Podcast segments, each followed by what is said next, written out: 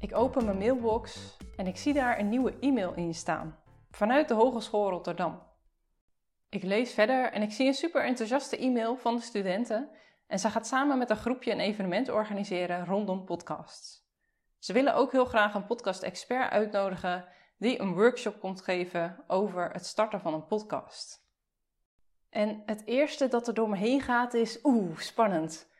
Uh, spreken voor een groep mensen, dat is niks voor mij. Heb ik niet toevallig al iets staan die dag? Oh, wacht, er is nog helemaal geen datum bekend. Ik kan vast wel een goed excuus bedenken. Maar ik besluit om nog even niks terug te sturen, want ik besef me ook dat dit een onwijs gave kans is. Ze waren op zoek naar een spreker en ze hebben mij gevonden en uitgenodigd. Hoe vet is dat? Ik zie het ook al wel helemaal voor me dat ik daar sta op een podium voor een groep mensen die over podcasten vertelt. Ik word er heel enthousiast van, maar tegelijkertijd voel ik ook echt dat ik het heel erg spannend vind. Ja, wat als ik daar sta en ik heb een blackout? Wat als ik het helemaal niet kan? Wat als. Ik besluit om het er even over te hebben met een businessvriendin. En zij helpt mij heel snel uit het dilemma. Hup, gewoon doen. Dit is zo'n mooie kans. Gewoon ja zeggen en je kan dit. En dat weet ik ook. Dat voel ik ook. En ik heb een tijdje geleden met mezelf afgesproken dat voor alles waarvoor ik word gevraagd, dat ten goede is van mijn business, waardoor ik ga groeien, waardoor mijn business gaat groeien. Het maakt niet uit hoe spannend het is, maar ik ga het gewoon doen. Ik zeg gewoon ja. En weet je, je zult zien dat je het ook echt kunt. Want als ik overal nee op zeg en ik verzin voor alles een heel goed excuus, dan ga ik er ook niet in groeien. En de enige manier om ergens beter in te worden is door het gewoon te gaan doen en door te gaan oefenen.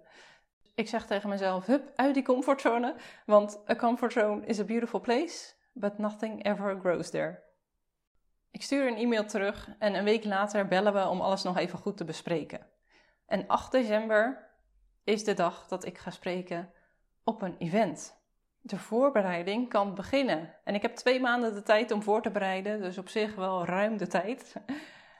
En natuurlijk heb ik geen twee maanden nodig om voor te bereiden wat ik precies ga zeggen. Maar er zijn wel een aantal dingen waar ik wel de tijd voor neem. En allereerst is dat mijn spreektempo. Want ik weet van mezelf dat ik vrij snel praat. En dat krijg ik ook regelmatig terug. En ik hoor het natuurlijk ook zelf in mijn podcast, vooral als ik een interview met iemand doe, omdat ik dan echt het verschil hoor.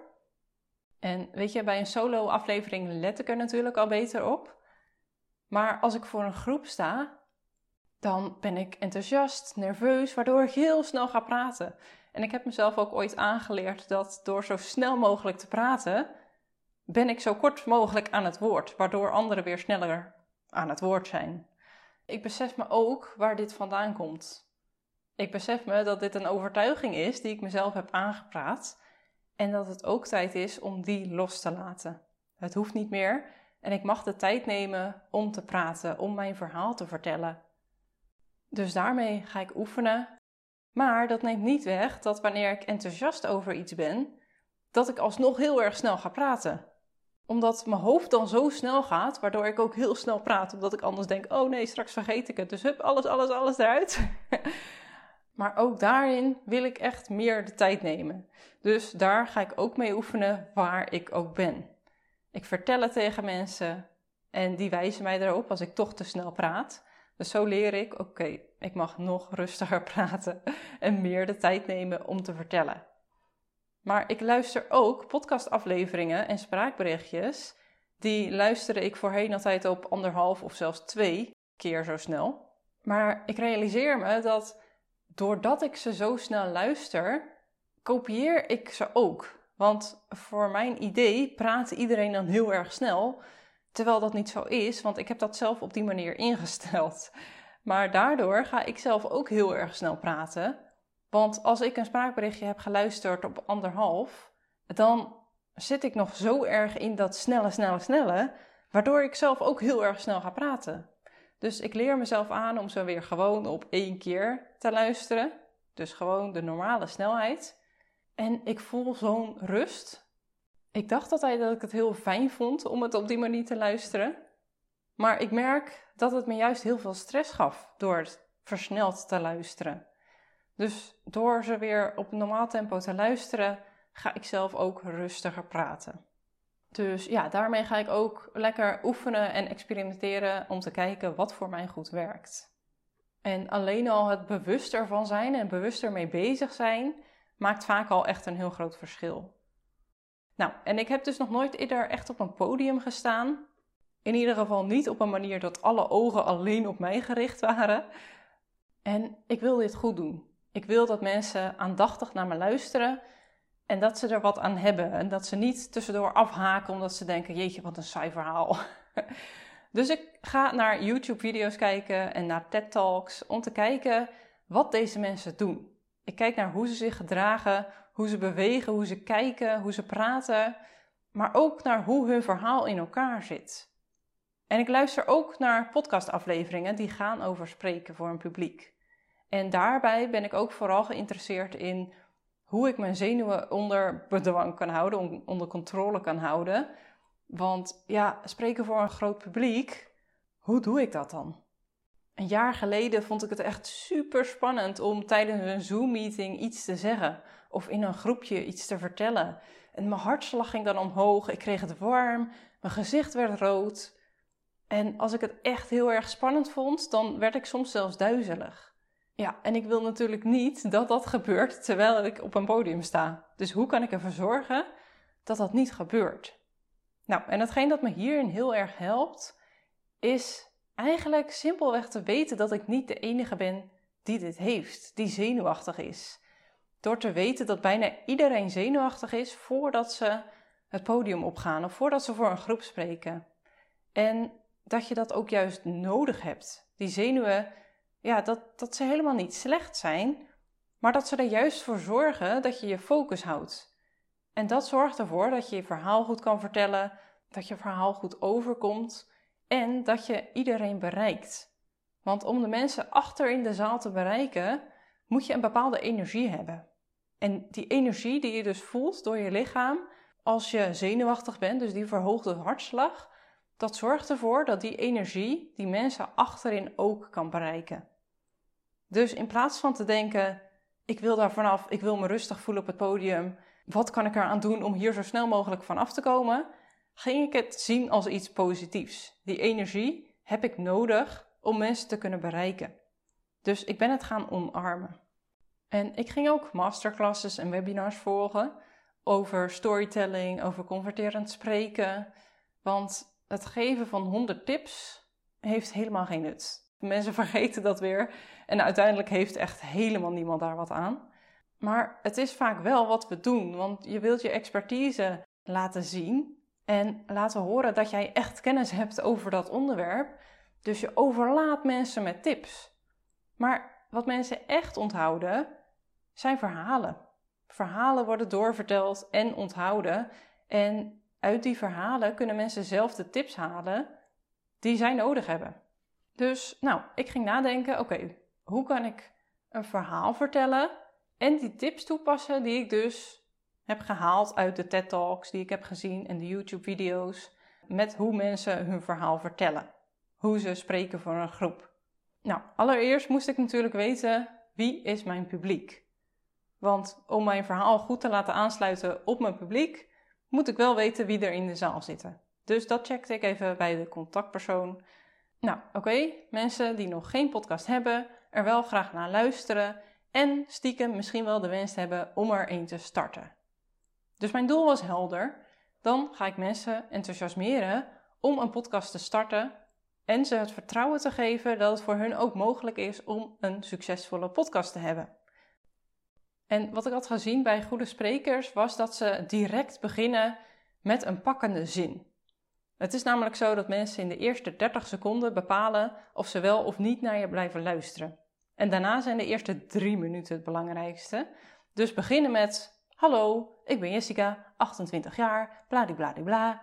Dat werkt niet zo goed. Dat is zo'n saai begin dat mensen in die eerste 30 seconden onbewust al besluiten dat ze niet blijven luisteren. Nou, en dat wil ik natuurlijk niet, want ik wil mijn verhaal goed overbrengen. Ik wil dat ze blijven luisteren. Dus ik begon met een pakkend stuk. Een stuk waardoor ik ze nieuwsgierig en enthousiast wilde maken. En daarna stelde ik een tweetal vragen om ze actief te maken en ze het gevoel te geven dat ze erbij horen. Dus dat ze ook inspraak hebben in het verhaal.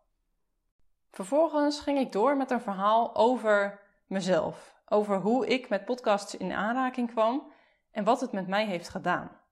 Ik vertelde hoe podcasts mijn leven hebben veranderd.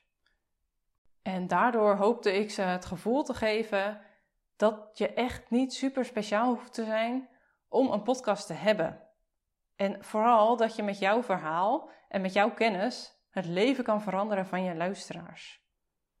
Nou, ik stelde weer een vraag en daarna ging ik door op mindset, belemmerende gedachten, waarvan ik weet dat eigenlijk iedere starter, iedereen die met een podcast wil starten, dat die daarmee te maken heeft. Dat die die belemmerende gedachten heeft. Dus die benoemde ik. Ik checkte bij ze of dat ook echt waar was, of zij dat ook hadden. En daarna ging ik door op nou, de reden, dus hoe komt het dat je die belemmerende gedachten hebt? En wat kan je daaraan doen om die te switchen naar positieve helpende gedachten?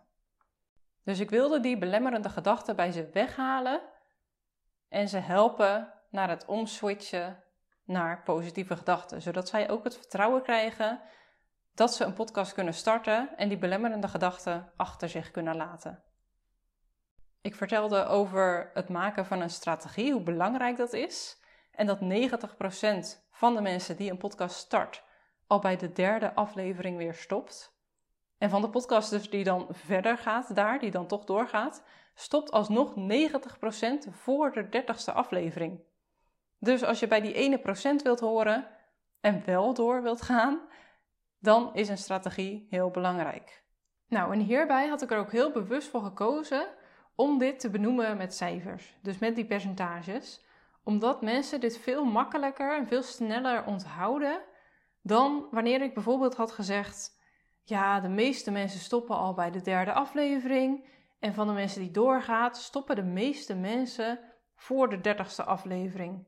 Dat is veel te vaag en nou ja, waarschijnlijk vragen ze zich überhaupt af waar ik dat dan vandaan heb. en dit is zo duidelijk. Oké, 90%, oké.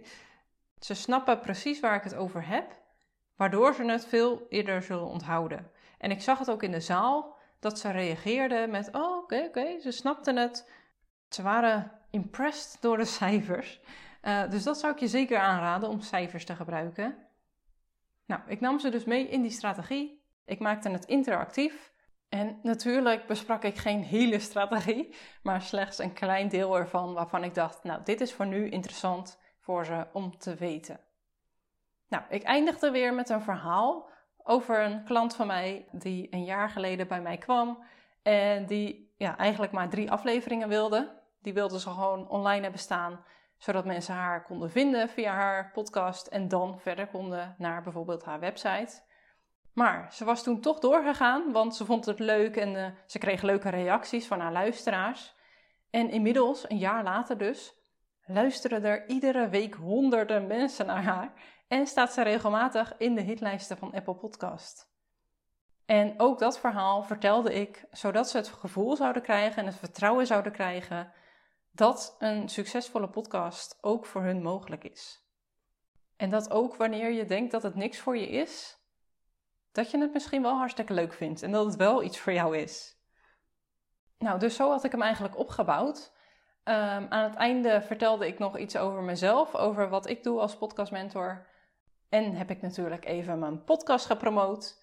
En ik heb nog een gratis weggever over de vijf meest gemaakte fouten door uh, startende podcasters. Die ik ook even benoemde met een QR-code uh, die ze gelijk konden scannen. En daarna was er nog een QA van ongeveer 10 minuutjes, nou ja, waarin ze al hun vragen konden stellen. En ik vond het echt hartstikke leuk om te doen ik vond het zo tof om daar te staan voor een groep mensen te praten over podcasten. En ik voelde me ook helemaal niet echt overdreven nerveus. Natuurlijk dacht ik wel, oh my god, ik sta hier nu gewoon voor deze groep mensen te praten.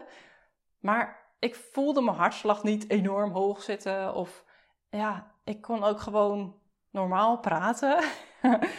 zonder dat ik echt door had dat ik heel erg nerveus was. Dus dat was echt super fijn. En ik denk ook echt dat mijn voorbereiding en mijn kennis die ik hiervoor heb opgedaan, daar echt bij heeft geholpen. Dus ik wil nog wel een aantal inzichten met je delen die ik heb opgedaan door deze sprekersklus. En de eerste is: focus je vooral op dat uh, wat je wilt dat mensen onthouden. Dus als iemand bij de uitgang vraagt: En wat heb je er nou uitgehaald wat Jessica je vertelt? Dan wilde ik dat mensen zouden onthouden dat zij ook mensen kunnen inspireren met hun eigen podcast. Dat zij ook hun eigen podcast kunnen starten en dat ze die ook succesvol kunnen maken. En ik besprak wel wat praktische dingen met ze, zoals die strategie. Maar het belangrijkste vond ik dat ze zouden weten dat zij ook een podcast kunnen maken. En ditzelfde geldt eigenlijk bij een podcast. Hè? Dus wat wil je dat mensen onthouden na het luisteren van jouw aflevering? Dus begin with the end in mind. Weet wat je boodschap is en weet wat je doel van de aflevering is en vertel daaromheen jouw verhaal. Maar verlies niet uit het oog wat je nou wil vertellen, wat het doel is van de aflevering. Oké, nou inzicht 2 was dat ik, uh, ik werkte met een presentatie. Uh, dus die ze konden zien met een beamer. Maar ik had niet een hele vaste tekst. natuurlijk, ik wist wat ik wilde gaan zeggen. Ik wist ook wanneer ik wat wilde gaan zeggen. Dat heb je net gehoord. Uh, dat had ook allemaal een plan, hè? er zat iets achter. Maar mocht het toch iets anders lopen, waardoor ik bijvoorbeeld over één onderdeel meer wilde vertellen en over een ander minder, dan had ik het wel zo ingestoken dat dat kon. Dus ik werkte vooral met woorden en quotes, zodat ik er nog voor kon kiezen: oké, ga ik hier het verhaal bij vertellen of hou ik deze korter? En dat zorgde er ook voor dat ik daarin veel meer vrijheid voelde. En behalve de eerste paar zinnen wist ik niet zo heel goed wat ik nou precies ging zeggen. En dat voelde voor mij eigenlijk wel heel erg fijn. En dat is natuurlijk per persoon verschillend. Hè? Dus uh, ja, misschien zit jij daar heel anders in. Maar voor mij voelde dat zo fijn dat ik gewoon wist: oké, ik wil het hier en hier en hier over hebben. Maar wat ik precies ga zeggen, dat weet ik nog niet. En dit zijn onderwerpen waar ik iedere dag over praat. Dus ik had er echt wel genoeg vertrouwen in dat ik zou weten dat ik eruit zou komen en dat ik er iets over kon vertellen. Maar ja, als ik het uit mijn hoofd zou gaan leren, dan kan ik alleen maar dingen vergeten, waardoor ik zenuwachtig word. En nu waren alleen die eerste paar zinnen, die stonden echt vast, want ik wist, oké, die zijn het belangrijkste. Die moeten gewoon echt goed overkomen. En de rest is gewoon wat losser. Daar kan ik gewoon op dat moment ja, over vertellen wat ik wil. Nou, en ik had ook wel speakbriefjes gemaakt. Want ik dacht, ja, als ik nou echt geen idee meer heb wat ik wil vertellen, dan kan ik daar nog op kijken. Uh, en daarbij vind ik het ook altijd wel fijn om iets in mijn hand te hebben. Maar ik heb ze helemaal niet gebruikt, want ik had en een microfoon in mijn hand en ik had een klikker voor de beamer. En ik had dus die ja, kaartjes in mijn hand, dus ik had ook geen mogelijkheid om ze te openen. Dus ik werd een soort van gedwongen om het zonder te doen. Maar dat was echt helemaal prima. Ik heb ze ook niet nodig gehad. Maar ik vond het wel een fijn gevoel dat ik ze had voordat ik het podium opliep. Nou, en uh, ik zei net al, helemaal aan het einde vertelde ik pas meer over mezelf, dus wat ik doe. Um, ik denk dat, dat, ik dat de volgende keer eerder zou doen. En dat ligt misschien ook een beetje aan het publiek. Dit was ook niet helemaal mijn ideale publiek. um, nou ja, sowieso had bijna niemand een podcast dat is natuurlijk helemaal niet erg, dat wist ik. Maar toen ik vroeg van de mensen die nog geen podcast heeft, wie zou er wel heel graag eentje willen, was het helemaal stil. dus ja, ze luisterden allemaal heel erg aandachtig en ze deden ook mee met de interactie waarnaar ik vroeg. Uh, maar ik denk dat het voor deze mensen in dit geval wel interessant was geweest als ze iets eerder meer over mij wisten. En ik had het in eerste instantie zo in gedachten dat ik eerst nog de QA zou doen en daarna pas over mezelf zou vertellen. Ehm, maar dat had ik dus omgedraaid, omdat ik dacht, nou waarschijnlijk willen deze mensen eerst weten wat ik doe en daarna de Q&A. En de Q&A die ging eigenlijk ook voor, ja, alleen maar over mij, want ze wilden graag weten wie mijn uh, ideale klant is, wat ik het leukste vind aan mijn werk. Dus die ging eigenlijk voornamelijk over mij en niet over het podcasten, omdat ze niet per se interesse hadden in een podcast starten. Dus nou ja, goed. Uh, daarbij kan ik de volgende keer nog even kijken. Maar ik denk dat ik die de volgende keer wat eerder doe. Dus dat ik eerder over mezelf vertel. Nou, verder heb ik wel eens gehoord dat je het beste op een podium niet te veel heen en weer kan bewegen. Dus niet te veel heen en weer lopen. Vooral als je hakken aan hebt, dan uh, lijkt dat best wel af. Maar sowieso is het voor mensen vaak fijner als je op één plek blijft staan. Maar ik ga de volgende keer wel proberen om iets meer te bewegen. Want nu stond ik echt de hele tijd op één plek stil. En ik bewoog ook niet heel veel met mijn armen, omdat nou ja, ik alles in mijn handen had en het makkelijker was om stil te blijven staan. Maar ik denk dat ik de volgende keer wel wat meer ga bewegen, of tenminste meer ga proberen om te bewegen.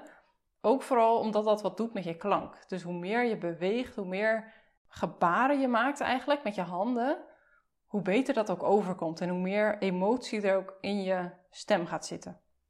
En daarbij is het ook wel leuk voor de foto's en de video's als ik een beetje zou bewegen.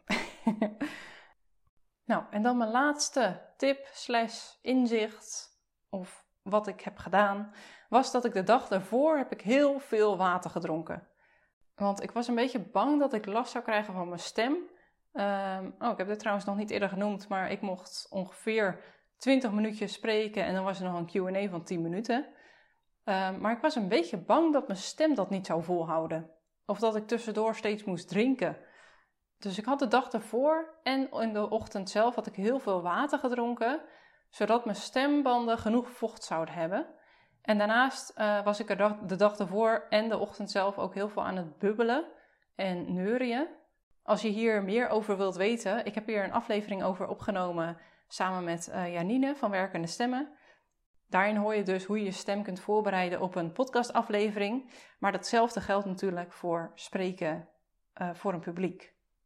Dus ja, daarin had ik ook rekening gehouden met hoe ik me het beste erop kan voorbereiden. Dus dat waren mijn inzichten, ervaringen van het spreken voor een groep. En ik kreeg al de vraag: smaakt het naar meer? Ja, ik vond het echt super tof om te doen. Ik vond het echt hartstikke leuk om te doen, om voor zo'n groep te staan. En het heeft me ook echt super veel vertrouwen gegeven in dat ik dat dus gewoon kan. Dat ik dus gewoon voor een groep mijn verhaal kan doen. En dat ik niet vergeet wat ik wil zeggen, dat ik ook niet extreem nerveus was. Uh, maar dat het gewoon lukt, dat ik dat dus gewoon kan. Dus ja, ik zou het zeker nog een keer willen doen. Lijkt me echt hartstikke tof. En ik hoop ook dat ik jou met deze aflevering heb kunnen inspireren om dit soort dingen ook te gaan doen. Om gewoon ja te zeggen tegen dingen die spannend zijn, maar wel gaan helpen bij de groei van jezelf of van je bedrijf. Want ja, misschien is het wel spannend, maar als je verder wilt groeien, dan zul je verder moeten gaan dan dat je hiervoor hebt gedaan. Dus daag jezelf ook eens uit om gewoon ja te zeggen op deze spannende dingen. En je zult zien dat jij het ook kan. En voor mij was dat spreken voor een groep. Voor jou is dat misschien iets heel anders. Maar daag jezelf hierin uit. En vertrouw jezelf erop dat je het gewoon gaat rocken. Dat je het gewoon kan. Nou, dankjewel voor het luisteren weer. En als je dit een leuke aflevering vond, zou je mij dan een review willen geven? Dat helpt mij weer om mijn podcast te laten groeien. Dankjewel en tot de volgende aflevering.